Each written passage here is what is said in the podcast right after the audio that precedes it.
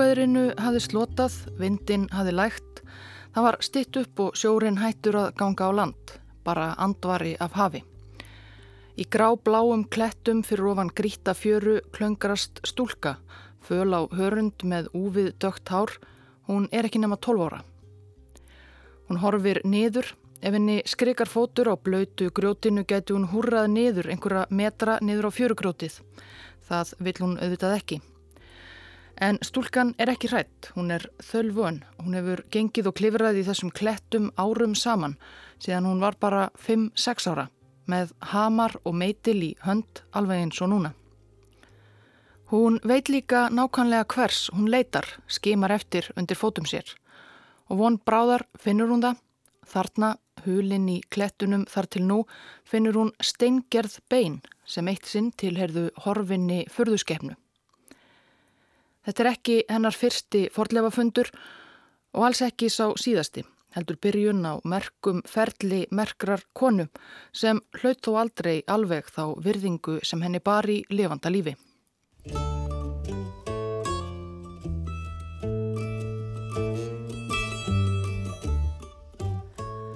Bærin Lyme Regis í vestur Dorset er við suður strönd Englands þar sem Ermarsundið er hvað víðast. Á öldum áður var þetta einn af helstu hafnarbæjum Englands. Til þess bendir sæmdarheitið Regis, konungsins, sem bærin sem áður hétt bara Læm hlaut frá játvarði fyrsta skankalanga Englandskonungi í lok 13. aldar. 500 árum síðar, um miðbygg 18. aldar, mátti Læm Regis þó muna sinn fívilfegri sem hafnarbær.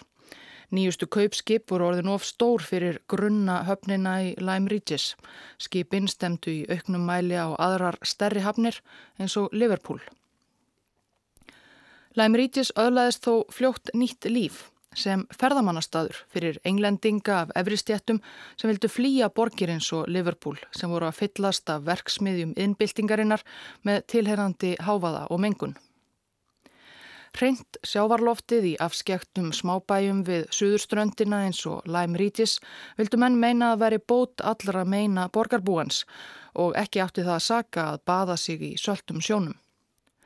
Við sjávarsíðuna risu gistihús, knæpur og búningsklefar fyrir hóværa baðgesti. Rítöfundurinn Jane Austen var til dæmis meðal vel staðra breyta sem heimsóttu Lyme Regis oftar en einu sinni í upphafi 19. aldar og aðal personurnar í bókennar Persuasion ferðastangað sumuleiðis.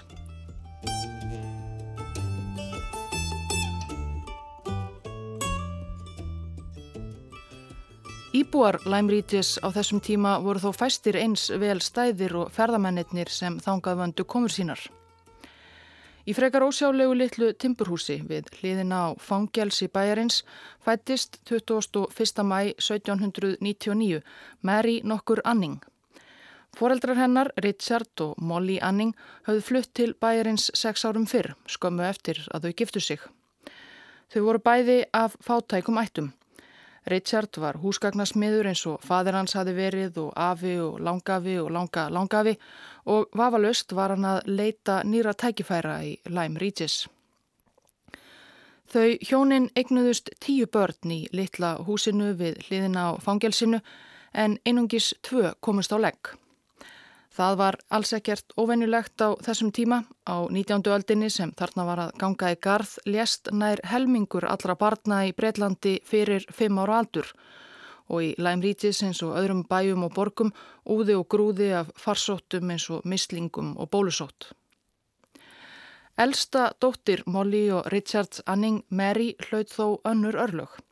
Þegar hún var fjögur ára í desember 1798 kviknaði í fötum hennar við eldstæðið á heimili fjölskyldunar og hún lést af brunasárum. Þegar Molly fætti svo aðra stúlku fimm mánuðum síðar í mæ 1799 hlaut hún nafn látinnar stórusýstur sinnar, líka Mary. Þessi setni Mary og drengurinn Joseph fættur 1796 voru þau einu af tíu börnum anninghjónana sem lifiðu af bernsko árin og það þó eitt sinn hefði munað mjóu.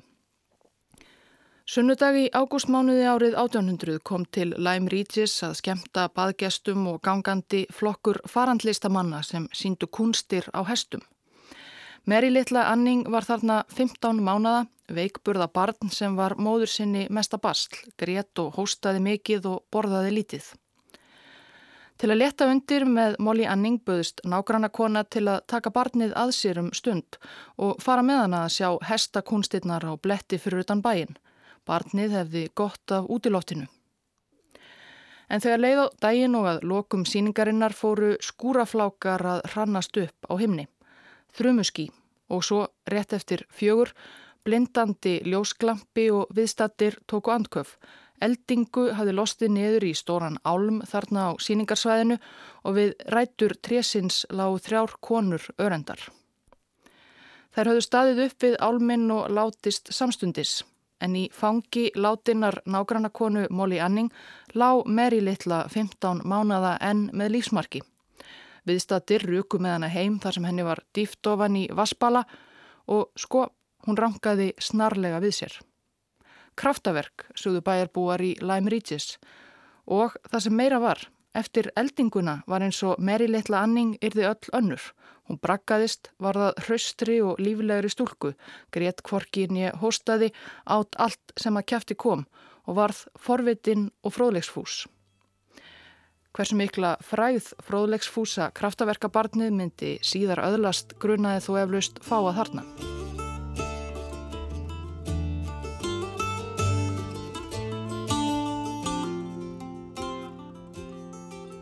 Ágætti hlustandi förum aðeins lengra aftur, aðeins lengra en á daga innbyltingarinnar.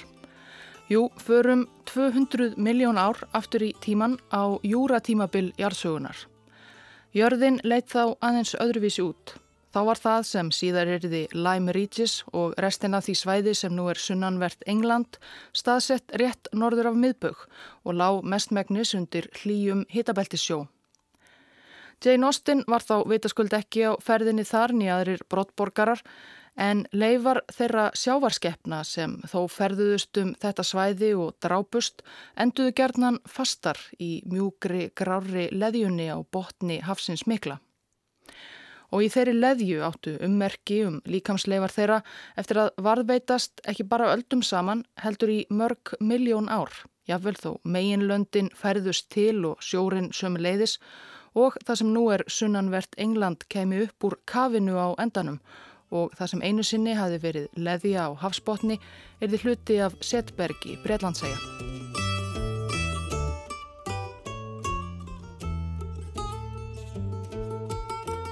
Um allt þetta vissum enn þó lítið um aldamótin 1800.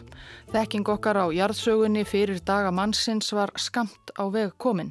Kirkjan var enn eitt áhrifamesta aflið í vestrænu samfélagi og línan frá henni var jú bara að Guð hefði skapað jörðina, mannin og aðrar lífverur fyrir einhverjum þúsundum ára og um það var enn umdelt að efast.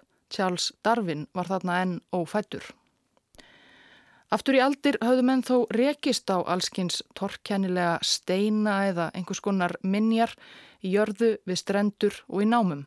Steina undarlega í læginu eða með einkennilegum minstrum. En nákamlega hvað þetta allt saman var, var umdilt. En vitað var að sumstaðar fannst meira af slíku en annar staðar. Til að mynda á ströndunum við Lime Regis í sunnanverðu Englandi.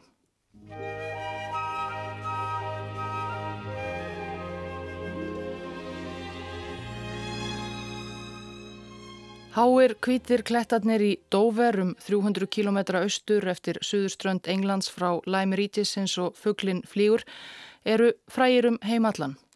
Strandlengjan til austurs og vestur af Lime Regis er ekki eins tilkom mikil að sjá, allavega úr fjarska. Sjaldan þvernýpi, yfirleitt lægri gráleitir klettar úr kalk og leirsteini sem oftar en ekki eins og nýga nokkuð letilega í áttað grítri fjörunni. En öldum saman höfðu strendurnar við Læmrítis verið frægar fyrir steingerð fyrirbæri sem gerðnan fundust þar á háfjöru. Glitti í sérstaklega eftir íllviðri þegar sjórin hafi gengið langt á land og sorfið fjörugrjót og kletta eða eftir örskriður sem voru tíðar á þessum slóðum. Fólki sveitinni þekkti fyrirbæri eins og það sem þau kölluðu snákasteina steina með ígreiftu spíralminstri eins og uppringaður snákur, djöbla fingur eins og för eftir grannar langar krumlur í steininum og það sem var á tungu heimamanna kallað vörtuberries því vissulega líktust þau í sjón hryggjarliðum eða vörtubrei.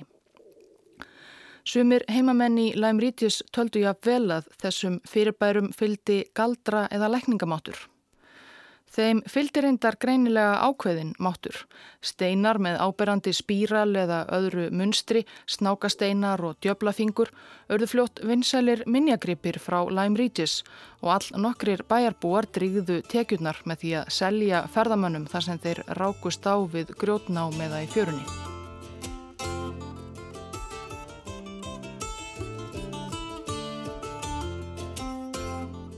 Eitt þeirra sem það gerði var húsgagnasmiðurinn Richard Anning. Viðgerðabisnessin gekk ekki nægilega vel. Til er bref sem sjálf Jane Austen skrifaði frá Lime Regis þar sem hún lýsir óanægu með prísin sem Anning setti á viðgerð á loki á ferðakofforti. Og Richard fór fljótt að verja æg meiri tíma í að þræða fjörurnar með hamar og meitil í hönd í leitað forvitnilegum steinum og munum. Það sem hann fann bauðan svo túristum til sölu fyrir nokkra öyra á búðarborði fyrir utan heimili fjölskyldunar. Ekki var mikil skólaganga í bóði fyrir breskar almúastúlkur á þessum tíma, svo Mary Leitla, uppáhald foreldra sinna eftir breytinguna sem varð á henni eftir eldinguna, var bara 5 eða 6 ára þegar hún fór að fylgja föður sínum í flæðarmálið í leitað steinum og þó auðvitað væri erfitt fyrir litla stúlku að klöngrast um í sleipu fjörugrjóti varð hún fljótt lungin, forvitin og fróðlegsfús eins og hún var. Fadir hennar kendi henni að koma auga á það sem helst væri eftirsoknarvert meðal ferðamannana og meitla niður kalk og leirsteina til að komast að því eftirsoknarverða og þegar heim var komið með gósið lærði hún líka hvernig mætti auka verðgildi þess, púsa upp steina svo að litir og undarleg minnstur fengju betur notið sín. Hún var duglegur nefandi og áhuga samur.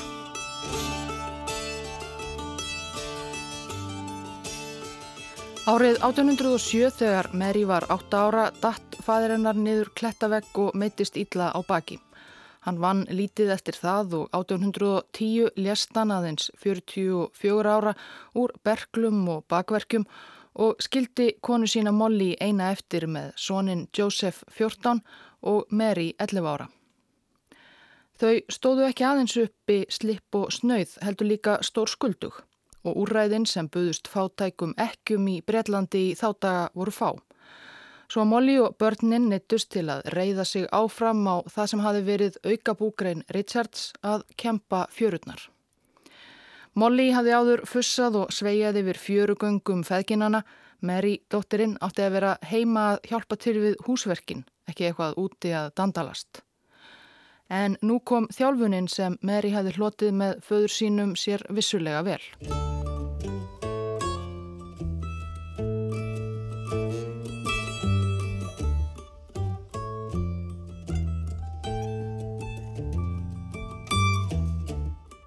Dag eftir dag söpnuðu krakkarnir þeim djöblafingrum og snákasteinum sem þau fundu í fjörunni og buðu ferðamönnum til sölu fyrir utan helsta gistihús Lime Regis þar sem gestir komu frá Lundunum, Liverpool, Bristol og fleiri borgum.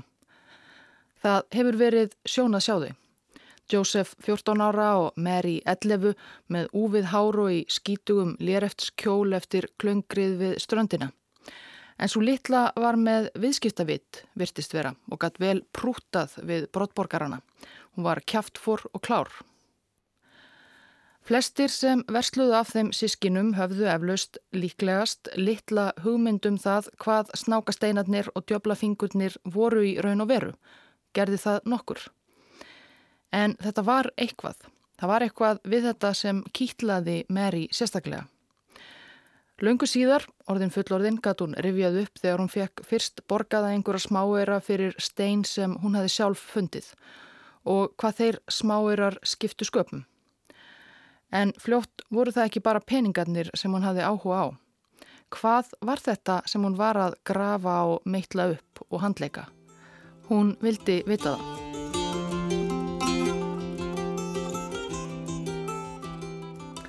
Það var sumardag nokkur 1811, ekki löngu eftir 12 ára ammæli Mary, sem Joseph bróðir fór einn niður í fjöru. Móðir þeirra Molly hefur kannski skipað Mary að vera heima að vinna eitthvað, vefa, Molly hafði orðið smá tekjur af því að vefa teppi og selja. En þennan daginn þurfti Joseph ekki að leita lengi. Það hafði nýlega fallið skriða úr stórum dökkleitum kletti um 2 kilometra frá bænum Lime Regis sem heimamenn kolluðu Black Ven. Og í grjót mulningnum í fjöruborðinu sá drengurinn eitthvað tindra. Joseph Grovins mikið frá og hann gatt þar til hann loks áttaði sig á því hvað þetta væri. Hauskúpa af einhverju stórri kjálkalangri skeppnu. Með hjálp manna úr bænum tókst Jósef að losa kúpuna alla úr leirsteins klumpinum sem hún var först í og fara með hana heim. Þetta var ekkert smá kvikindi. Kúpan var meira en metri á lengt, augn tóftirnar stórar og greinilega pláss fyrir mikinn fjölda tanna í kjafti kvikindisins. Eigandi kúpunar hafði ekki verið neitt nema augun og kjafturinn. Þetta hlaut að vera krokodíl, saði Jósef höfðu krokodílar, framandi skeppnur, þá einhvern tíman ráfaðum England.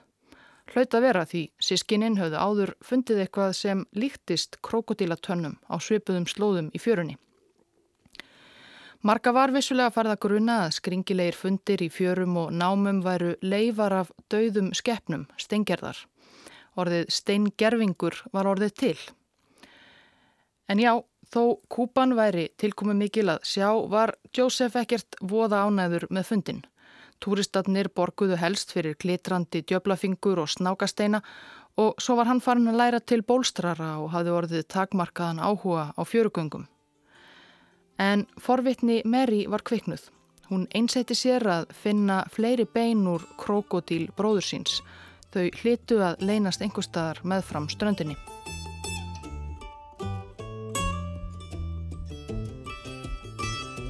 Það tók hana næri því ár. Eftir hvert íllverðri fór hún af stað og leitaði, klöngraðist í fjöruborðinu í klossunum sínum með hamar og meitil í bakbókanum. Loks eftir einn stormin fann hún það sem hún leitaði að. Í miðjum Kalksteins kletti í nokkuri hæð hafði sjórin leitt í ljós það sem reyndist vera hryggjarliður, næri 8 cm víður. Mæri klöngraðist upp með meitilinn Smátt og smátt kom í ljós annar hryggjarliður og annar og það sem virtist vera rifbein.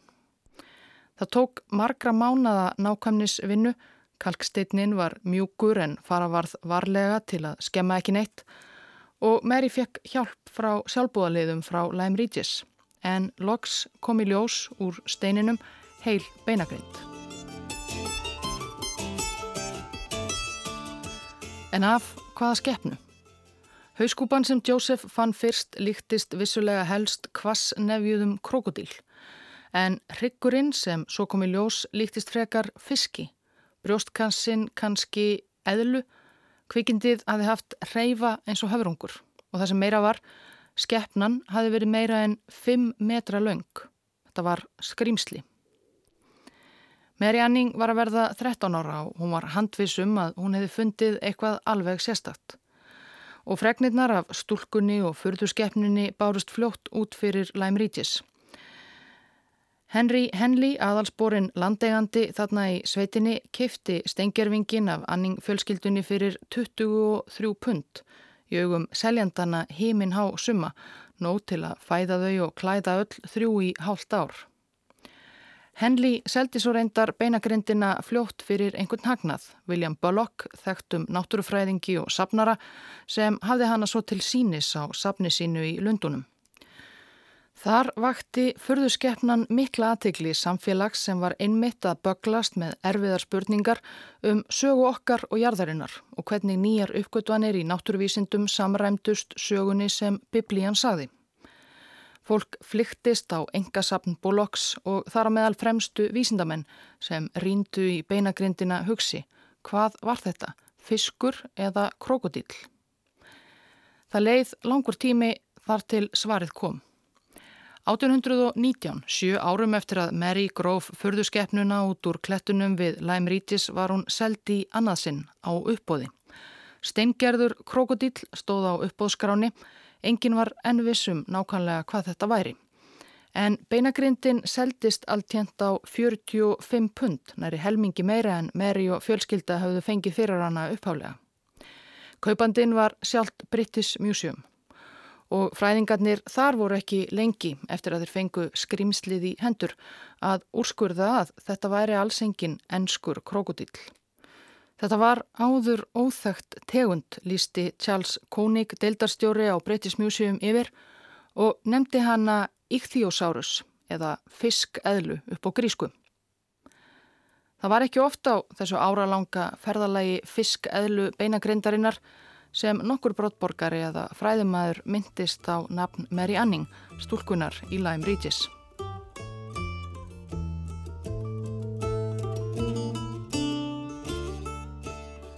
Þarna var sem sé komin ný tegund, Ichthyosaurus eða fiskæðlan, tegund sem enginn hafi rekist á áður. Já, enginn hafi sannlega rekist á hana í sjónum við strendur Englands svo eldstu menn mundu. Hvað átti það eiginlega þýða? Í dag er hugtakið útdauði okkur öllum tamt, áhyggju efni. Sífælt fleiri tegundir verða útdauðar á okkar vakt. En þarna á upphafsárum 19. aldarinnar var útdauði framúrstefnulegt hugtak. Náttúruvísindin hefði jú lengst af miðast við það sem sagði í biblíunni um að Guð hefði skapað heiminn og allt sem í honum fyrirfannst. Varla hefðu þá einhverja skeppnur, fullkomin sköpunarverk Guðs, síðan gefið upp öndina og horfið. Jú, sumir náttúruvísindamenn voru farnir að gæla við einmitt þetta hugtak útdauða eins og frakkin Sjórs Kuvier sem í dag er gerðnan kallaður fadir stengervingafræðinar. Hann var orðin þeirra skoðunar að jörðin væri langt um eldri en biblían segði tilum og öldum áður hefðu þrifist ímsar skeppnur á jörðinni sem síðan hefðu horfið, já, algjörlega dáið út. En þetta var enn umdelt kenning.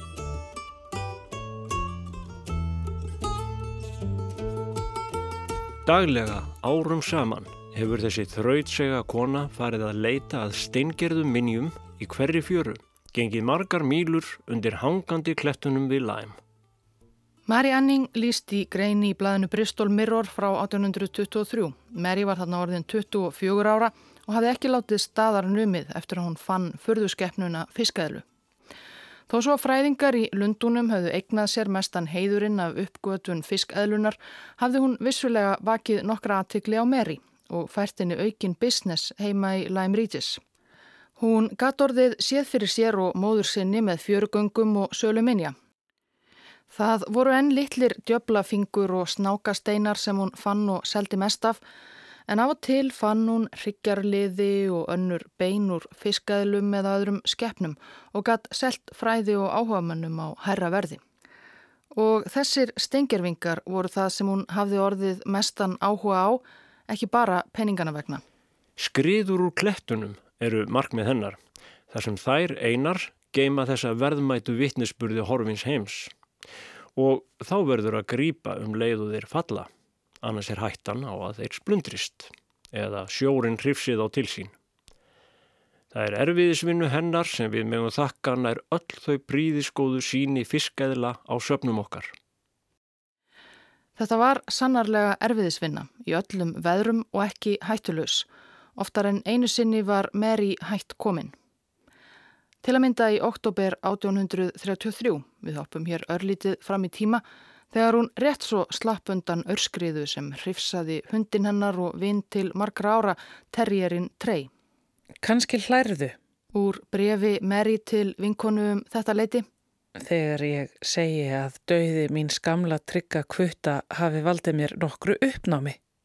Kletturinn sem fjall á hann og drapan á augabræði fyrir frama nefið á mér. Það munaði bara augabræði að ég hliti sömu örlug.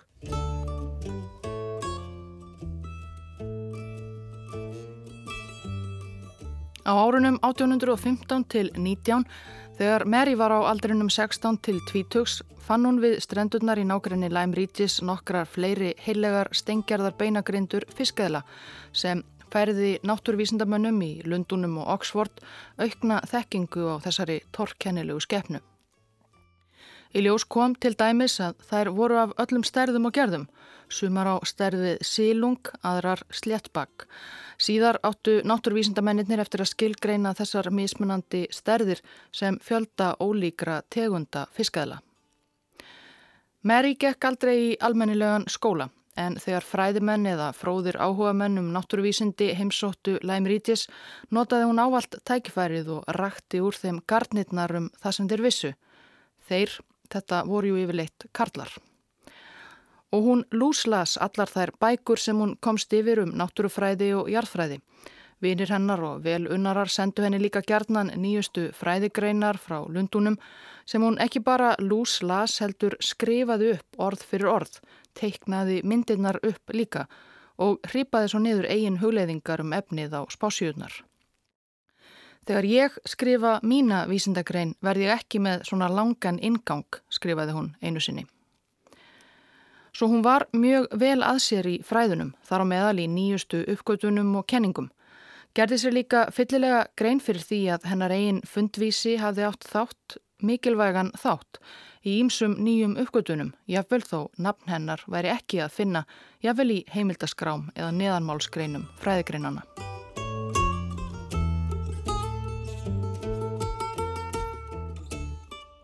...1823 var Mary Anning 24 ára og líkt flestum breskum konum á hennar aldri var hún enn ógift og ólofuð. Kanski hafði hún engan tíma fyrir slíkt. Hún var líka óhefbundin, klætti sig jafnan praktist eftir veðri í mörg lög af kjólum og kápum og svarta klossa, hyrti ekkert um þraung lífstykki eða aðra tísku eins og flestar stöllur hennar, var jafnan með úvið hárið undir stórum hatti. Í desember þetta ár 23 fór hún af stað eftir einn íllvígan vetrastormin að rótum Black Venclets þar sem hún hafi leitað oft áður. Það var nýstingskuldi og enn nokkur læti í veðrinu en Mary vissi að hún yrði að hafa hraðar hendur. Og í þetta sinn datt hún í lukupottin. Hún þurfti ekki að pýra augun lengi upp í klettavekkin þar til hún sá það. Eitthvað glansandi sem gegðist út úr leðjugráum kalksteini. Hún flýtti sér að reynsa steinin og leðjuna frá og í ljós kom hauskúpa. En ekki kjálkalöng, augnstór kúpa fiskæðlunar sem hún var þarna orðin ansi vön að finna. Þetta var eitthvað nýtt.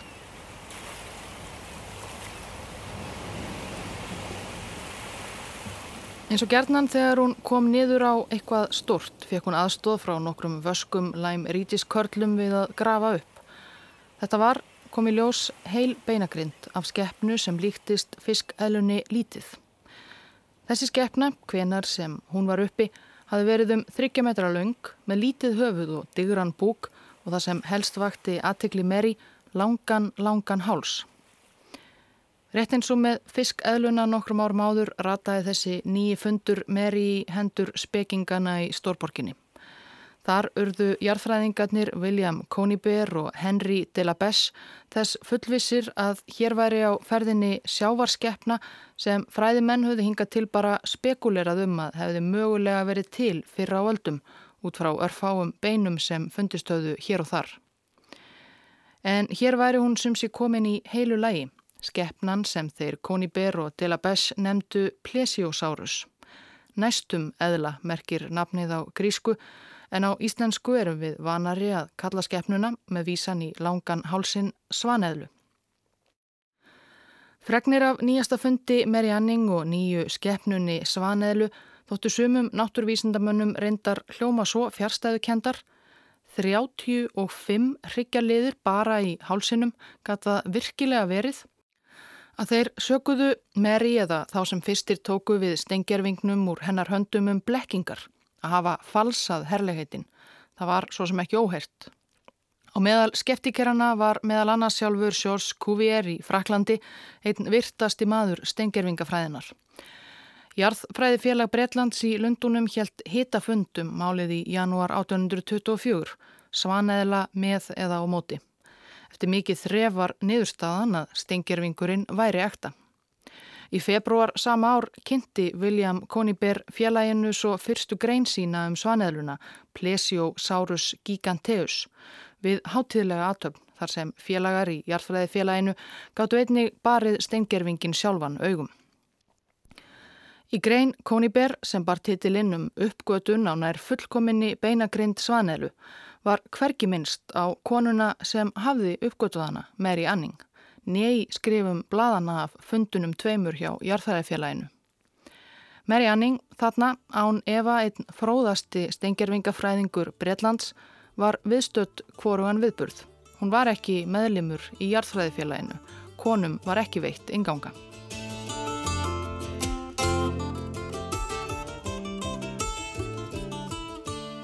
Það var sannarlega mikil gerjun í jarðsögu og stengjervingafræðum. Mary Anning var vissulega ekki eina manneskan í Breitlandi sem hafi rekist á merkilega stengjervinga að undanförnu. Á sama fundi og Koni Berg kynnti svaneðluna sína, kynnti kollegi hans og nafni William Buckland kenningar út frá beinum sem fundist höfðu í grjótnámu í Oxfordskýri um gríðarstort ferfætt landir, kjötætu sem eitt sinn hafi reikað um enskar grundir. Megalosaurus var nafnið sem súrlaut, bókstaflega risa eðla. Megalosaurusin, megin eðla heitur hún á íslensku nú, var fyrsta forsögulega kvikindið sem skilgreint var sem risa eðla. Þó enn væru reyndar tveir áratugir í að greinar heitið dinosaur liti dagsins ljós.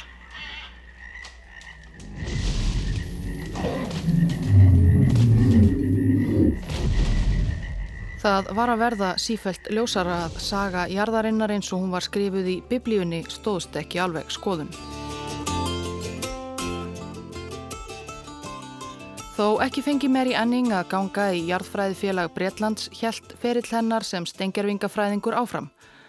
Það var orðið nokkuð kunnugt að hún var meðal fremstu sérfræðinga á sínu sviði þá nafn hennar væri nær hverki að finna í akademískum rétum.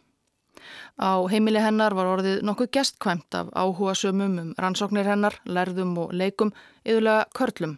Það voru fáar aðrar konur sem lögðu stund á þessi fræði.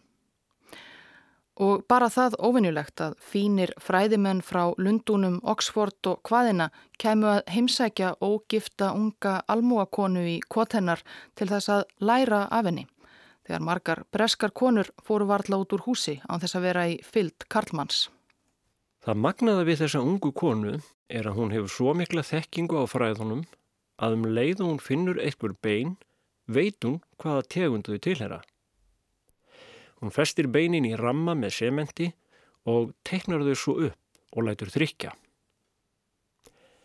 Það er sannarlega undursamlegt tilfelli guðulegar dýrðar að þessi fátæka, fáfróða stúlka sé svo blessuð Því með því að lesa og fræðast hefur hún náð því þekkingastígi að geta auðveldlega skrifast á og talað við profesora og aðra vitra menn um efnið og þeir viðkenna allir að hún viti meira um þessi vísindi en nokkur annar í konungsríki okkar.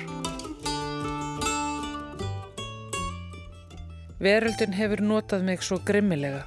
Ég held að það hafi gert það að verkum að ég gruna allt mannkinn um græsku. Mary sjálf Anning í brefi til vinkonu í Lundunum 1824. Ó, hvað ég öfunda þig af daglegum heimsóknum á náttúruminni safnið. Já, þú ert skuldbundin til að gefa mér greinilega lýsingu á því sem þar er að finna. Því um helmingur þeirra litlu upplýsinga sem ég fæ frá profesorunum er óskiljanlegur. Lítið að fretta annars úr stengjarvinga heiminum nema við höfum fundið hala af einhverjum unga og nokkur önnur smásíni, ekkert stórkoslegt eða nýtt.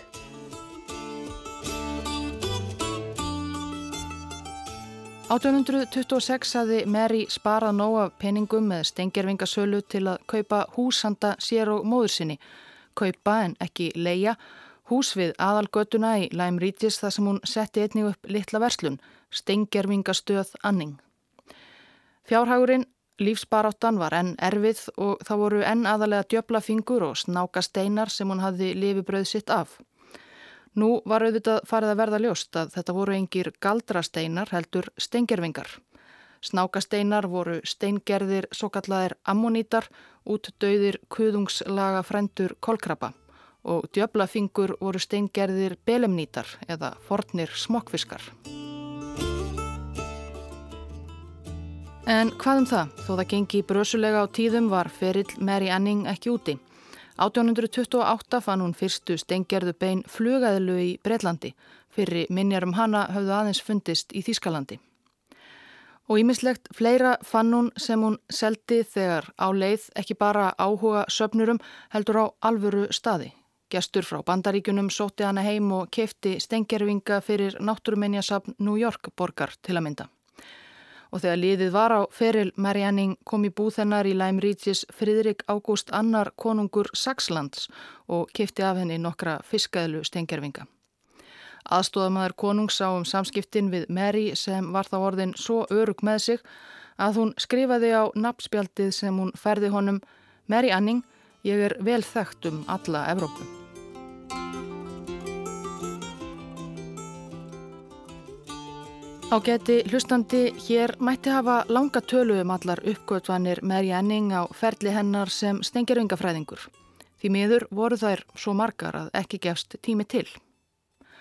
Þó hann hefði þjenað á tímum ágætlega á stengirvingunum sem hún gróf upp í fjörunum við Læmrítis var hún aldrei vel stæð á nokkurt nátt, átti alltaf í basli. Velviljandi félagar í jarðfræði heiminum réttu henni á og til hjálparhönd í formi ölmusu en hún var aldrei viðurkjent sem alvöru fræðimæður. Hún skrifaði aldrei vísindagrein. Það voru Karlkins kollegar hennar sem fengu helst heiður af uppgötunum hennar og smátt og smátt urðum við svo margs vísari um sögjarðarinnar og uppruna tegundana. Án þess að hún ætti þar allavega ofinberlega mikinn hlut að máli. Mary Anning lést 9. mars 1847, 47 árað aldrei úr brjóstakarpamenni. Hún afreikaði lítið síðustu ár æfinar sögum veikinda.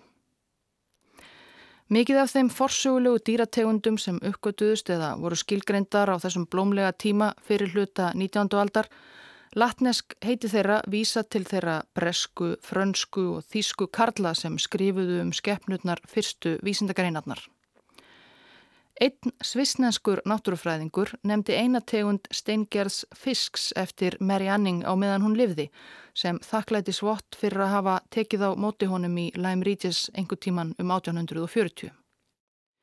Það liður svo um 150 ár þar til fólk fór aftur undir lok 20. aldar að rifja almennilega upp æfi Mary Anning og Feril og hafa í hávegum. Nú eru fleiri tegundir nefndar eftir henni, Ichthyosaurus Anninge, anningasára, ákveðin kvísl svaneðla og fleira. Breska náttúruminjasafnið og ymsar fleiri annálaðar fræðastofnanir breyta hafa haldið minningu hennar á lofti á síðustu árum. Loksins, konunar sem mátti aldrei ganga í jarðfræðifélagið.